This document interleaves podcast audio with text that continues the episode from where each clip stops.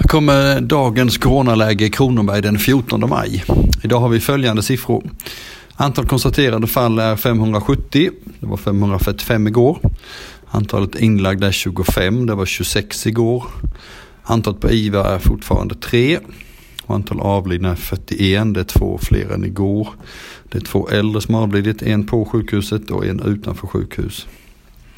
Eh, vi tar för tillfället mycket prover på personal, både på egen personal men också på kommunens personal. Och det är också därför vi då konstaterar många nya fall. Jag tycker ändå att siffrorna är ganska stabila även idag. Eh, igår visade jag vår prognoskurva där vi jämför oss med de regioner som har haft mycket corona. Nu har vi även börjat titta på de mindre länen runt omkring oss.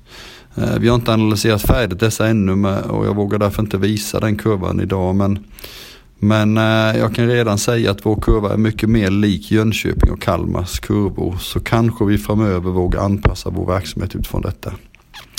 Eh, vår informationskampanj, Sveriges planaste kurva, arbetar vidare. Och idag har vi fått eh, de fina knapparna. Eh, det finns en bild på den på Facebook-sidan men det är alltså en knapp där det står om du kan läsa detta är du för nära.